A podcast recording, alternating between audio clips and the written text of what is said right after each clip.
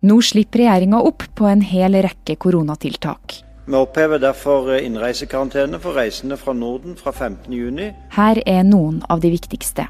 Dette er korona kort forklart, fredag ettermiddag 12.6.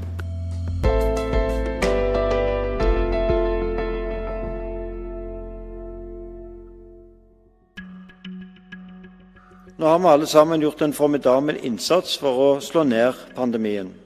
Da er det avgjørende at vi åpner gradvis opp, sånn at vi over tid kan komme tilbake til en tilnærmet normal situasjon.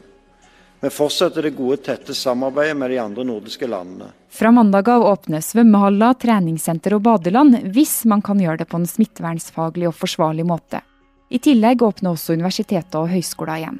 Det sier helseminister Bent Høie i dag. Men de åpner, men det blir ikke helt som før. Vi må hele veien passe på at smittevernet er ivaretatt. Toppidrettsutøvere og profesjonelle kunstnere får unntak fra regelen om å holde en meters avstand. Det samme unntaket gjelder for personer under 20 år som er på f.eks. sommerleir.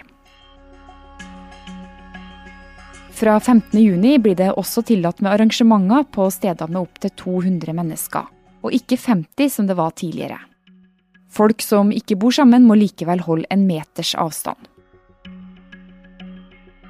Og nå åpner også grensene litt. Jeg må huske at vi er gjester hos våre naboer. Og vi må også, når vi er på besøk, ta ansvar for at vi ikke bidrar til å spre smitten. Nordmenn kan altså reise til noen områder i Norden uten å måtte være i karantene etterpå.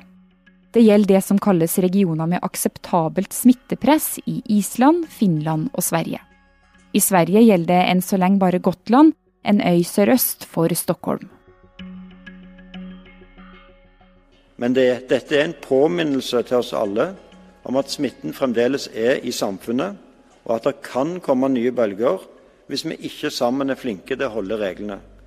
Husk de gode vanene vi har lagt oss til de siste månedene. Og så, ikke minst, vi må alle la oss teste hvis vi har symptomer.